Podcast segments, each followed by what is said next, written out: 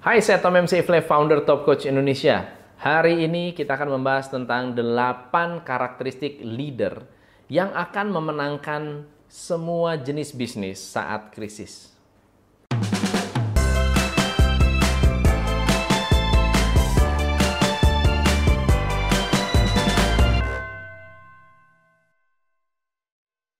Tipikal leader yang pertama di dalam krisis, Anda harus menjadi orang yang melihat jauh ke depan. Looking ahead. Looking ahead. Berapa banyak leader yang hari ini merasa desperate, frustrasi, tidak tahu harus melakukan apa, karena tidak bisa melihat masa depan yang cerah. Melihat masa depan harus datang dari leader. Leader yang diikuti karyawan akan melihat bahwa situasi bisnis ke depan akan membaik, situasi ekonomi akan membaik, situasi customer-customer kita akan membaik. Dan melihat ke depan itu berarti Anda memiliki harapan yang jelas, keyakinan yang jelas. Itulah yang akan membuat Anda menjadi leader yang direspek. Yang kedua, super optimis. Kondisi krisis tidak memungkinkan kita untuk down. Kondisi krisis tidak memungkinkan kita untuk mengeluh. Kondisi krisis kita tidak bisa mengharapkan siapa pun juga.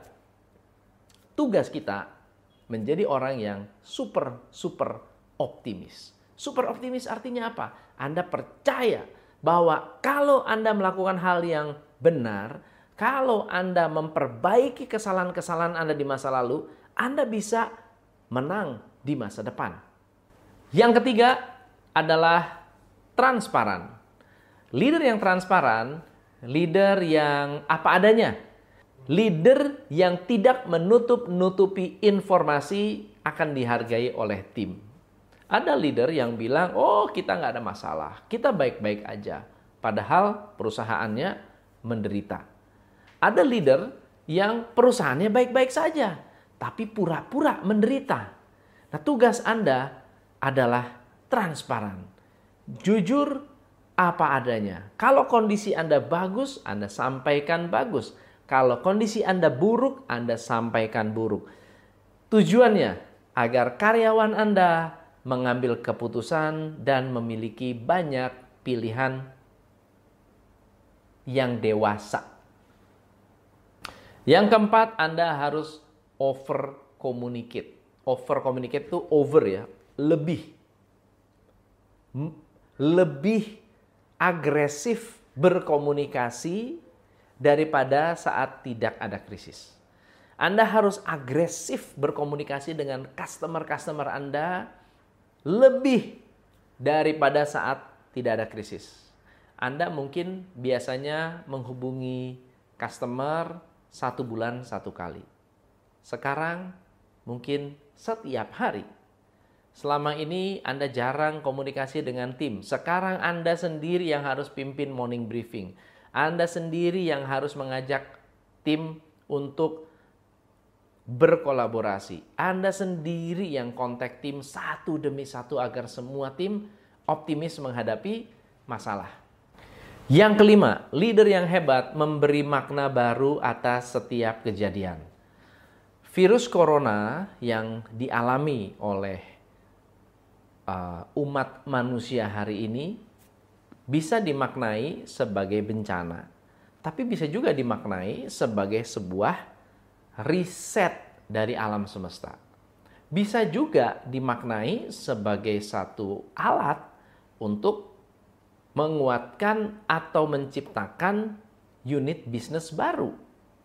Bisa juga dimaknai sebagai sebuah anugerah. Jadi banyak sekali orang menganggap ini sebagai bencana, tapi ada banyak sekali yang menganggap ini sebagai anugerah. Jadi memberi makna baru terhadap sebuah kejadian akan membuat kita memiliki strategi baru menghadapi krisis. Nah, yang keenam, teman-teman, kita harus fokus pada solusi, fokus pada masa depan. Fokus pada solusi berarti kita melihat potensi-potensi yang masih ada. Ambil contoh ya. Kalau misalnya hari ini bisnis Anda adalah bisnis fashion, bisnis kuliner, atau bisnis kesehatan. Kemudian drop gara-gara um, virus corona. Coba dicek. Apakah 100% customer Anda tidak lagi belanja atau jangan-jangan masih ada yang belanja tetapi sedikit.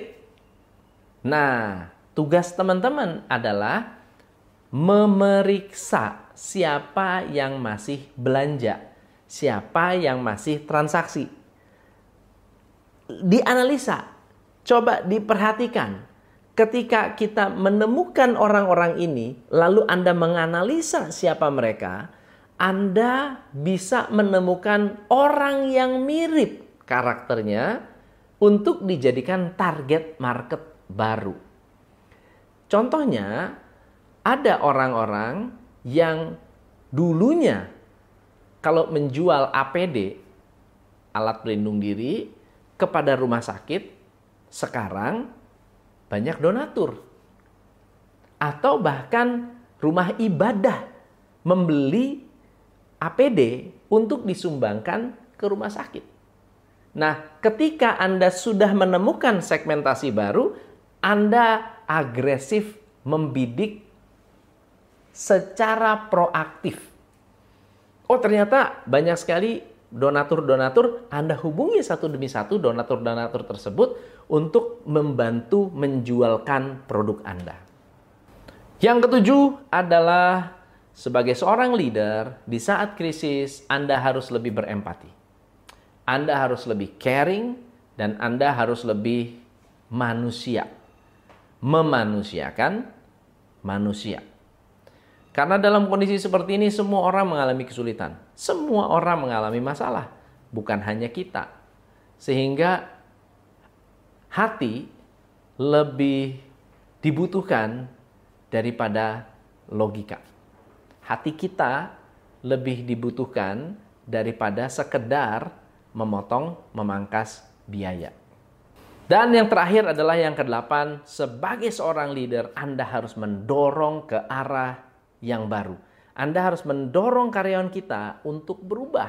Kalau karyawan kita nggak biasa menggunakan Zoom untuk meeting, pakai, paksa. Kalau nggak biasa menggunakan Google Hangout untuk meeting, pakai, paksa. Kalau tidak terbiasa dengan teknologi, minta mereka menggunakan teknologi agar mereka terbiasa menggunakan teknologi untuk produktif.